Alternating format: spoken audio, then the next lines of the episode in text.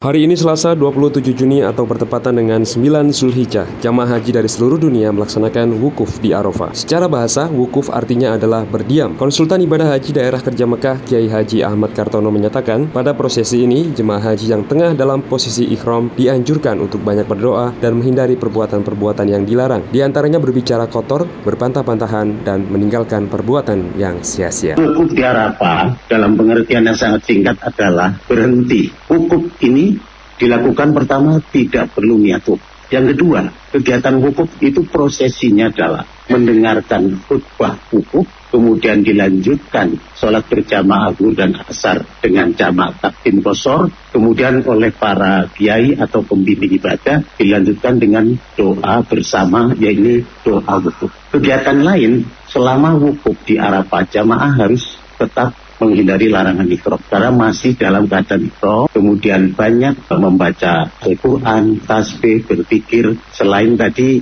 doa wukuf yang sudah dipimpin oleh kiai atau atau pembimbing. Sambil nunggu pada proses selanjutnya wukuf dilaksanakan sampai dengan maghrib dilakukan sholat maghrib dan isya dengan jamaah takdim kosor baru dilanjutkan berangkat menuju Musdalifah yang perlu dijaga oleh seluruh jamaah haji karena mereka sedang dalam badan ikrom menjaga larangan ikrom itu adalah meliputi rofas, pusuk dan jidal sesuai yang dijelaskan oleh Al-Quran. Rofas itu berarti hindari perbuatan-perbuatan, ucapan, perbuatan yang mengarah kepada pornoisme. Kemudian juga pusuk perbuatan-perbuatan dosa yang mungkin bisa diakibatkan dari tata cara kita berbicara, kemudian kita mengumpat dan menghardik orang dan sebagainya.